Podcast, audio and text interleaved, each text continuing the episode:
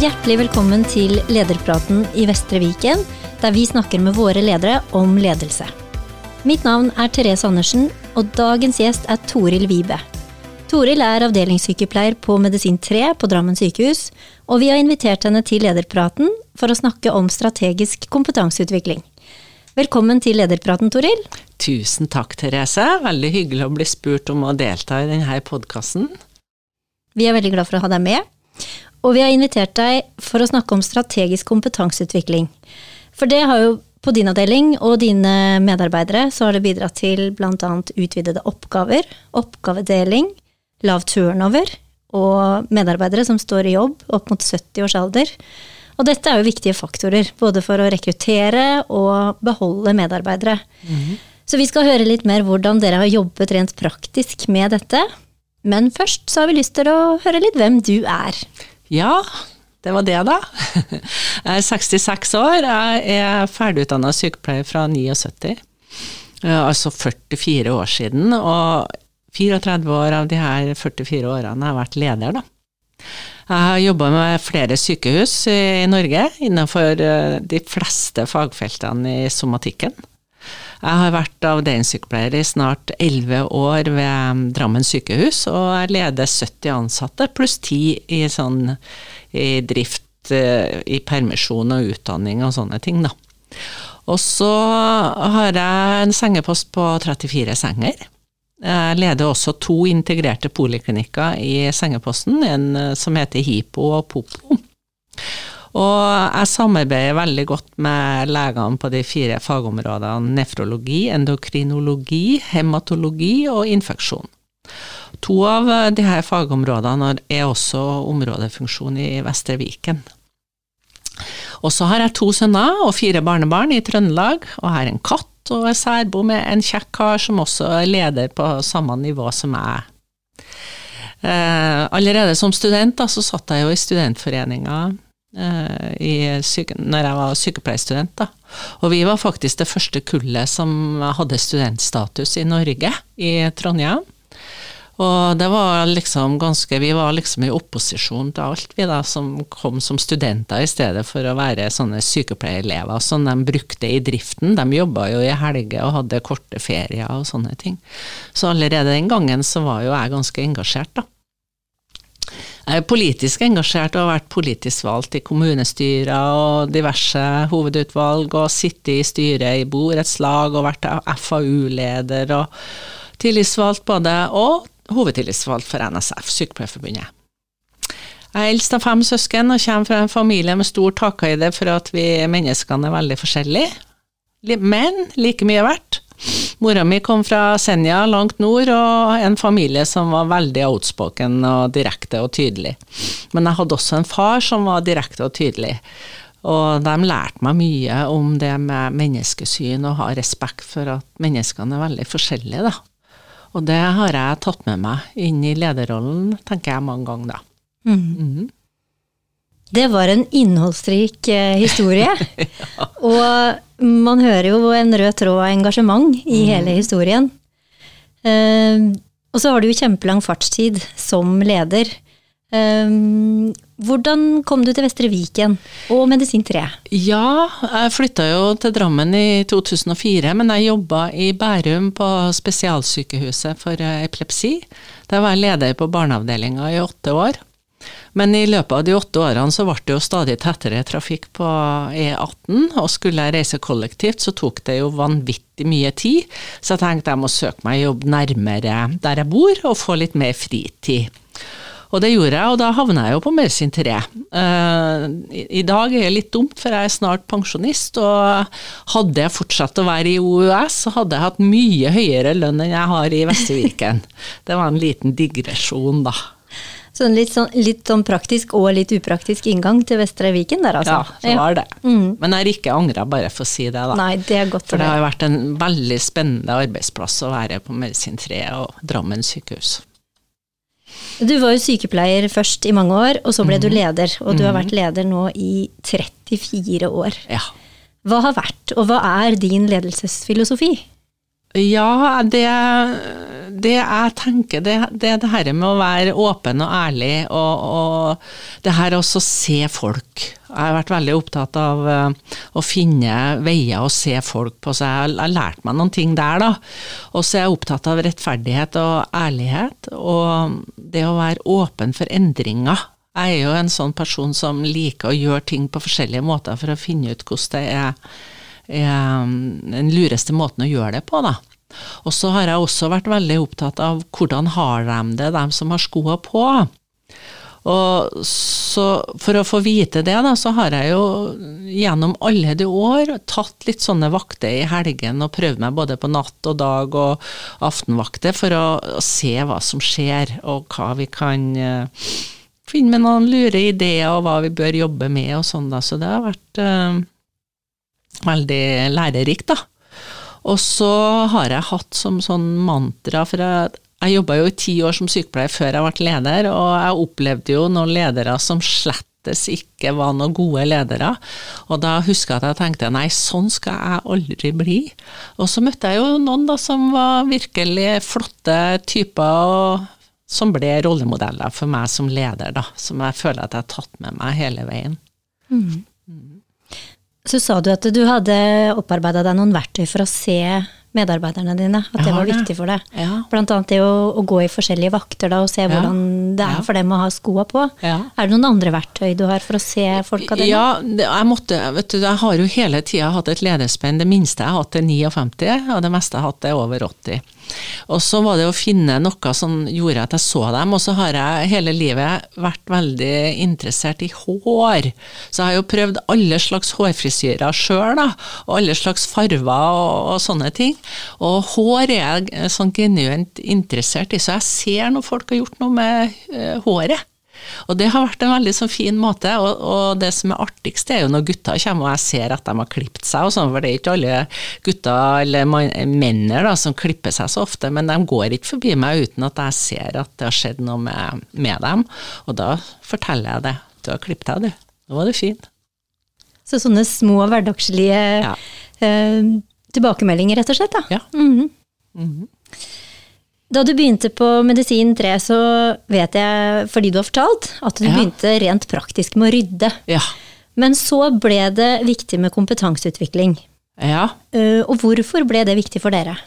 Det ble veldig viktig fordi at det er noe av det viktigste du gjør som leder, det er at dine medarbeidere er i utvikling. Og det er klart at eh, vi er der for pasientene og skal gjøre Eh, vi skal gjøre en god jobb overfor våre pasienter og yte god pasientsikkerhet. Og for å gjøre det, så må du bygge opp en viss kompetanse. Og skal folk orke å stå i det her, så, så, så, må de oppleve en viss utvikling. Og da har vi hatt veldig fokus på det her med kompetanseutvikling, i form av at folk skal få lov å spesialisere seg, skal få lov å jobbe med ting som de syns er veldig interessant sjøl, da. Og eh, jeg begynte jo på medisin 3, sant, å komme fra spesialisthelsetjenesten for epilepsi, og hadde liksom ikke vært i medisinsk avdeling på mange år. Og så så jeg at uh, hjelpepleierne f.eks. gjorde oppgaver som Jeg visste at de gjorde det ute i kommunene, men de fikk ikke lov å gjøre det på sykehuset. Og så endte jeg opp med at jeg måtte leie inn folk på helger fordi at jeg ikke hadde den kompetansen til stede. Og da begynte jeg å jobbe med eh, utvikle sånn at helsefagarbeiderne fikk lov å gjøre det her med peritonealdialyse, som posedialyse. Det var det sykepleierne som gjorde før, men der eh, skjærte vi igjennom, snakka med legene om at det var greit, og så lærte vi opp helsefagarbeiderne til å gjøre den jobben. Og så slapp jeg å leie inn noen ekstra på de helgene hvor vi mangla den kompetansen. Og, og der begynte vi med kompetansebygginga, og det har vi fortsatt med på flere av fagområdene. Fordi at uh, uh, tanken bak har vært at man skal bli mindre sårbar, og pasientene skal få det beste. Det høres jo helt optimalt ut. Ja. Eh, kan du si enda litt mer sånn rent praktisk hvordan dere har gått til verks med kompetanseutviklingen? For det kan jo være hektiske hverdager med drift osv. Ja. Hvordan finner dere tid og rom? Ja, nei, altså vi må ta oss tida til det, tenker jeg. fordi vi, vi, har ikke råd til å la være å prøve ut uh, nye, gode måter å gjøre ting på.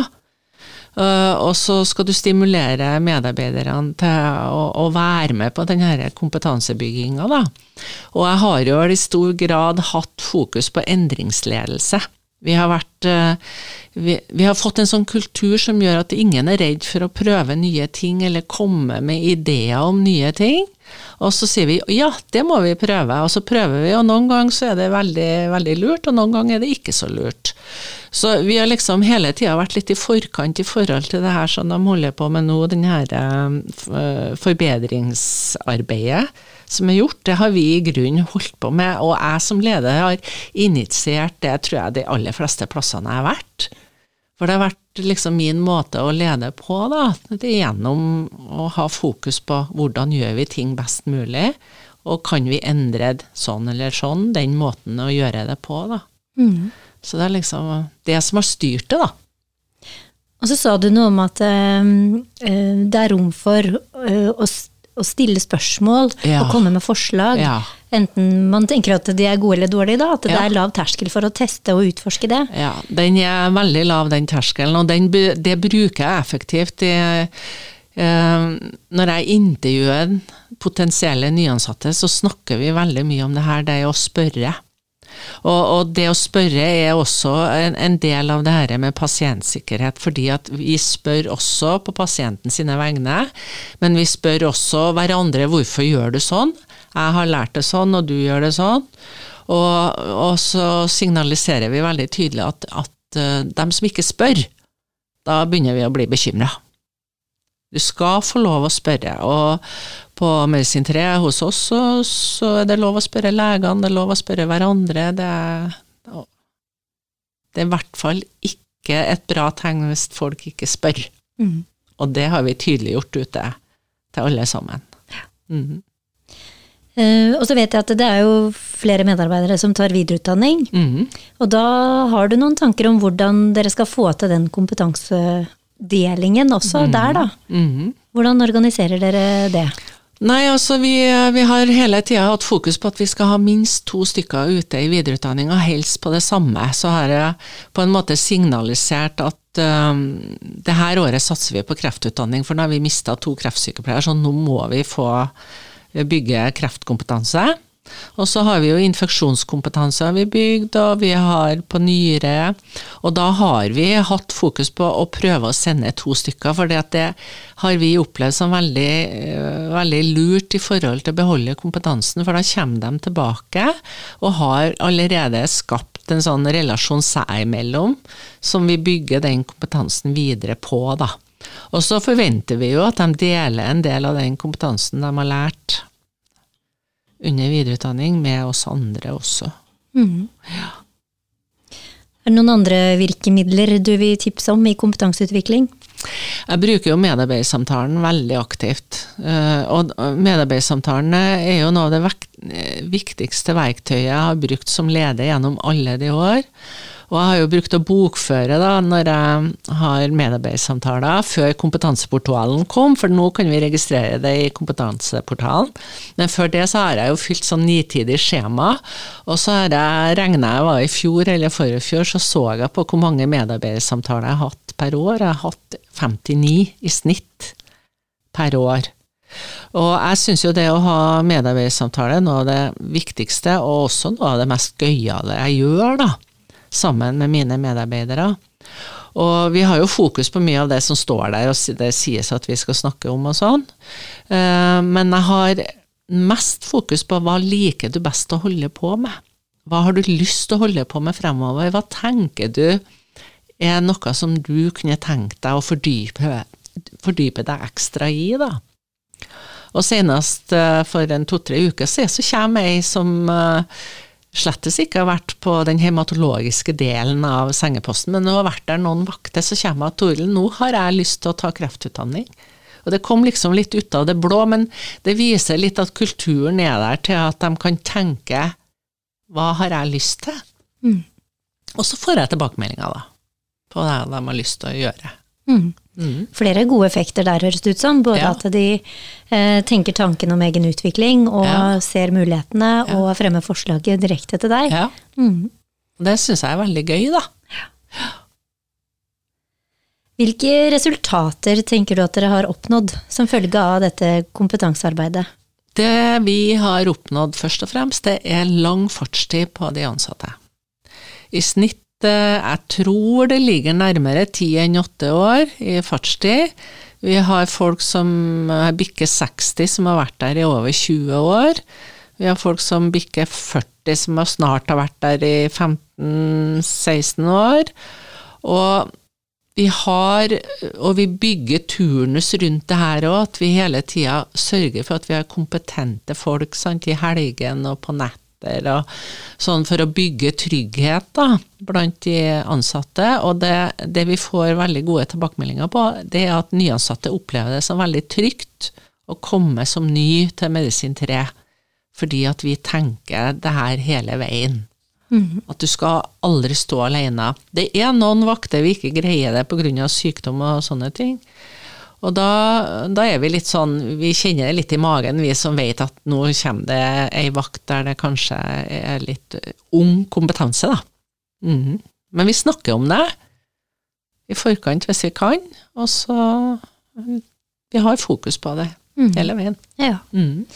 Så lav turnover, eh, høy eh, fartstid, og også flere som står i jobb mot eh, 70 år. Ja. Det er jo fantastisk. Ja, jeg har jo måttet bedt dem slutte, for etter 70 får de ikke lov å jobbe, Det er det helsefagarbeiderne, da, det har gjeldt. Særlig helsefagarbeiderne. Og det har jo vært veldig gøy, den der oppgavedelinga som vi også har holdt på med, fordi at uh, før vi begynte med oppgavedelinga, så hadde vi veldig lavt, nei, høyt sykefravær på helsefag og hjelpepleiere. Men i dag så er det nesten mindre enn på sykepleierne. Mm. Fordi at de føler at de er verdsatt og bidrar, da. Mm. Og så har du sagt noe om at det har vært eh, viktig for dere i forhold til omdømme og rekruttering også, nå som Ja. det kan være litt vanskelig å rekruttere. Ja, Men at du nå får rekruttert på omdømme, rett og slett. ja, vi gjør det. Ja, og et annet fokus som vi har, det er jo at vi er veldig flerkulturelle. Kanskje en av de mest flerkulturelle sengepostene på sykehuset. Det gjør også at vi faktisk får en del folk fra miljøene deres, da. Mhm. Som eh, kanskje kommer fra andre land enn Norge. Og det er veldig godt å oppleve at folk har lyst til å komme til oss fordi at de hører at folk har det bra hos oss, da. Ja. Og det å ha flere språk og nasjonaliteter representert er jo veldig godt i pasientarbeid. Mm, Veldig bra, for vi, pasientgrunnlaget i Drammen er jo der også. Mhm. Det er jo nesten 20 er ikke-norsk i, i Drammen òg, så pasientene er deretter òg. Mm. Eh, Vi har jo vært litt inn på det, men sånn direkte på arbeidsmiljøet, da. Hvilken effekt har kompetanseutviklingen hatt på deres arbeidsmiljø? Det er jo først og fremst den tryggheten sant, eh, som dere med kompetansefokuset har. Og så er det det her med å spørre. Det, det fører til en åpenhetskultur, tenker jeg, i større grad enn eh, hvis man ikke hadde sånn fokus på det som vi har, da. Så senest i dag så fikk jeg tilbakemelding på ei, ei forholdsvis ny, ei som spør litt for lite. Eh, Så nei, det, og det gjør noe Det er trygghet i at de kan komme og si ifra om det, og så er det en trygghet i at jeg får vite det også, som er ansvarlig for eh, den pleien som ytes ute hos pasientene. Ja, for til syvende og sist så er det jo pasient Ja. og pasientsikkerhet. Så hva tenker du dette har betydning for pasientsikkerhet og pasientbehandling? Jeg tenker det har veldig stor betydning. Vi får veldig mye tilbakemeldinger fra pasienter som opplever svært kompetente sykepleiere eh, på på alle fagområdene. Så, og de møter jo sant, mange av de herre som har vært der veldig lenge, som er med å lære opp de unge, da. Som eh, gjør at vi har høy kompetanse. Mhm. Så har vi jo hørt at uh, du er engasjert. Ja. Uh, En engasjert dame. Ja.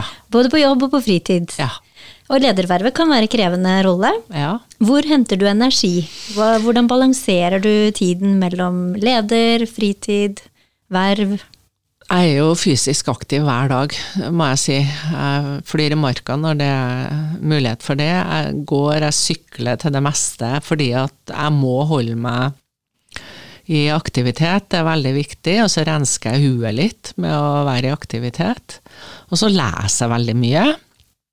Jeg er jo med i litteraturgruppa, veldig engasjert der, og jeg jobber litt politisk og får litt påfyll der. og jeg bor i et veldig hyggelig sameie med hyggelige folk, så jeg får liksom påfyll der også.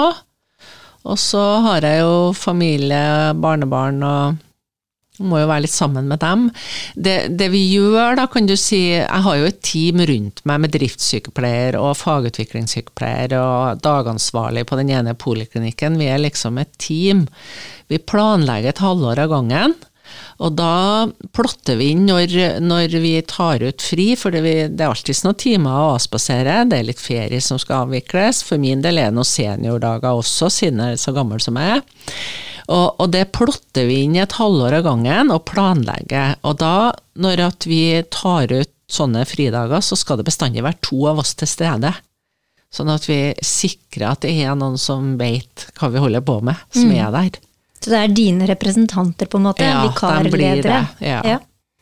Så, så, det jobber vi veldig bevisst med. Og det er liksom så innarbeidet at uh, vi i teamet tenker at nei, men jeg kan ikke ta fri der, for da blir det bare én igjen. sant? Mm.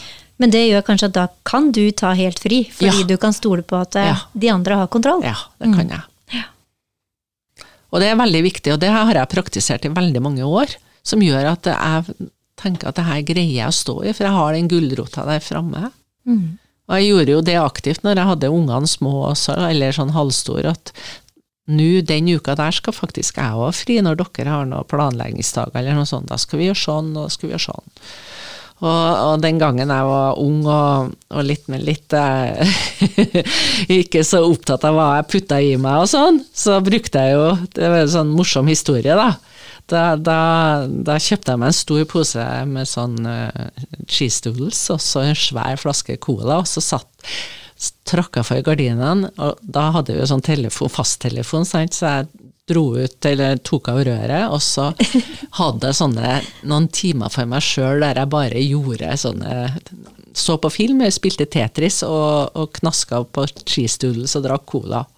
Det var liksom sånne lommer, og når jeg tenker tilbake i dag, så er liksom colaen og den cheese doodlesen som sto på salongbordet og venta på at jeg skulle ha noen timer for meg sjøl, det var liksom en sånn lomme av frihet, da. Mm. Og da var det ingen som fikk forstyrre meg. Og sånne lommer har jeg liksom hatt hele veien. Nå har jeg det mer i form av å gå i marka og koble helt ut, da. Da kan jeg slå av telefonen så ingen når meg på en stund, men jeg må ha med telefonen i tilfelle det skjer meg noe, da. Så jeg sørger for å ha de der lommene hele veien, da. Mm. Ja. Og du evner jo å prioritere også de timeoutene som du ja. da trenger for ja. å lade. Uh, og så var du inne på litt tidligere at du har laga deg noen sånne smarte verktøy og litt effektive måter å jobbe på. Ja. Hva gjør du da? Ja, hva gjør jeg da? Jeg har laget, uh, Jeg har liksom laga meg noen fraser, sant, mye i forhold til avvikshåndtering og en del andre ting. Uh, dem bruker jeg aktivt når jeg jobber, sant, og, og har sånne kopierer fort inn når jeg har en del sånn oppfølging av sykefravær og alt sånne ting. Og så, er det det at noen ganger så er oppgavene for mange. Mm. Og det står og venter oppgaver, og noen ganger så må jeg vente til jeg får purring nummer to eller tre, for jeg skjønner at må, nå må jeg få gjort det. Men uh, ja, det er harde prioriteringer, og noen ganger er det aldri noe spørsmål, så er det noen oppgaver som bare forsvinner ut. mm. Men du tåler at det må vente litt? Ja, jeg tåler, tåler å prioritere. Det. Ja. Mm. Hvor henter du inspirasjon til eh, ledelsesfaget? Til å være leder? For det første så snakker jeg jo en del, jeg har jo noen venner og kjæresten holder på med det, og de rundt meg har holdt på en del med ledelse, så der diskuterer vi litt. Jeg leser jo veldig mye, som jeg sa tidligere, da. Så jeg leser ikke noe sånt helt eksplisitt, men det kan komme et godt råd i når jeg leser i Aftenposten eller Dagens Næringsliv eller et eller annet, kommer over artikler som jeg syns er veldig bra. Og så er jo noen ganger de henviser til annen litteratur, så må jeg nå inn der og lese også. Så, så er jeg jo sånn generelt interessert i ledelse og kan godt ta med meg den artikkelen på jobb og, og presentere den, hvis jeg finner noe som er veldig bra. Og så hører jeg jo litt på noen podkaster, da. Jeg er veldig glad i å høre på podkast. Så jeg har hørt på noen ledelsespodkaster òg, som jeg ikke helt kommer, navn, kommer, på navnet på akkurat nå, men det er noe Ledelsespodden eller noe sånt noe som heter. Eh, så der henter jeg nå noe. Mm. Mm. Og så har du studert personalledelse ja, og organisasjonsfag. Det har jeg gjort. Mm. Jeg studerte et helt år med bare ren uh, organisasjonspsykologi og personalledelse, heter det. Mm. Det var et veldig fint studium. Det fins ikke lenger, men det var veldig bra. Det var Høgskolen i Nord-Trøndelag som hadde det, og så var det Handels, Handelshøgskolen i Bergen som hadde det studiet. Det var veldig, veldig sånn menneskeretta, da. Mm. Så det passa meg veldig godt. Og senere så tok jeg jo strategi og organisasjonsutvikling. Men det som er artig i ettertid, da, for jeg tok de studiene med ti års mellomrom, og så når jeg ser hva jeg skrev i eh, den hovedoppgaven da, på begge studiene, så handla det om endringsledelse og holdninger til endring. Så det var litt eh, sånn Det har vært mitt fokus hele veien, da. Du har hatt en rød tråd i lederskapet ja, ditt. har det også. Et eller annet ja. interessefelt ja. der. Mm. Hvis du var ny leder i dag, hvilket råd, eller hvilke råd, ville du gitt deg selv? Altså, veien blir til mens du går, i hvert fall. Jeg har jo tenkt mye på det spørsmålet. Og det er det med at veien blir til mens du går. For det er ikke noen sånne absolutte løsninger. Jeg har jo bytta jobb flere ganger, sant? så du kommer jo inn i en kultur, og du må jo liksom finne ut eh, hvilken kultur som råder her, og hva sånn, da. Men så er det det herre at i ettertid så skulle jeg ønske at jeg noen gang hadde søkt om hjelp tidligere fra personal- eller HR-avdelinga i dag, da, på vanskelige saker. For jeg har opplevd et par vanskelige saker som leder som har tatt utrolig mye energi og vært utrolig tøffe saker. Mm. Så der skulle jeg ønske at jeg før var ute og ba om hjelp, da. Mm. Mm. Det høres ut som et godt råd. Mm. Og vi skal straks gå inn for landing i denne ja. episoden. Men helt til slutt, hva er dine beste råd om ledelse til andre ledere? Ja, det var det. Ikke prøv å være noen annen enn den du er, for du blir så gjennomskua. Og så og så er det herre å be om unnskyldning når du har gjort noe som, eller sagt noe som ikke er lurt. Og da skal du gjøre det mens flere hører på. For det har veldig god effekt, sånn at de skjønner at du som leder også kan gjøre ting For alle gjør feil, og alle kan gjøre ting som de kanskje Eller si ting som eh, man ikke er så glad for at man sa, da. Og da er det lurt å kunne be om unnskyldning, og helst mens noen hører på. Og så er det det her å, å, å gi ros så andre hører det. Og jeg bruker å si det, jeg kan kanskje si det nå, om det her med å knipe folk i å gjøre noe bra. Og da skal du knipe dem å gjøre noe bra mens det er noen tilhørere til stede. Og særlig hvis det er veldig ønska atferd, så skal du bare være ute etter å ta dem på det rette stedet. Ta de det på den positive bra. måten. Når de gjør noe bra. Ja. Knip folk i å gjøre noe bra. Ja. Mm, med tilhørere.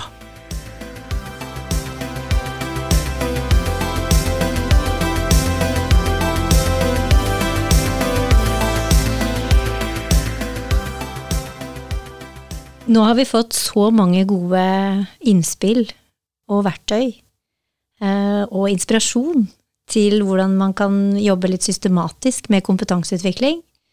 Vi har hørt hvilken god effekt det har hatt, eh, i hvert fall for dere, i forhold til robusthet, lav turnover, folk som står lenge i jobben, godt arbeidsmiljø og godt omdømme. Og du har delt eh, mange gode erfaringer og tips og råd om lederskap og ledelse. Så du må ha tusen takk for at du tok turen til lederpraten, Toril.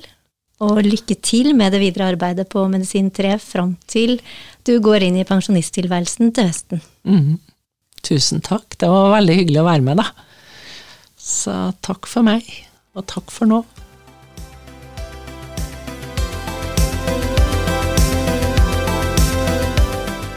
Lederpraten kommer ut ca. én gang i måneden. Om du har forslag til spennende ledere som vi bør snakke med, så kan du sende oss et tips på e-post lederpraten alfakrøll vestreviken.no.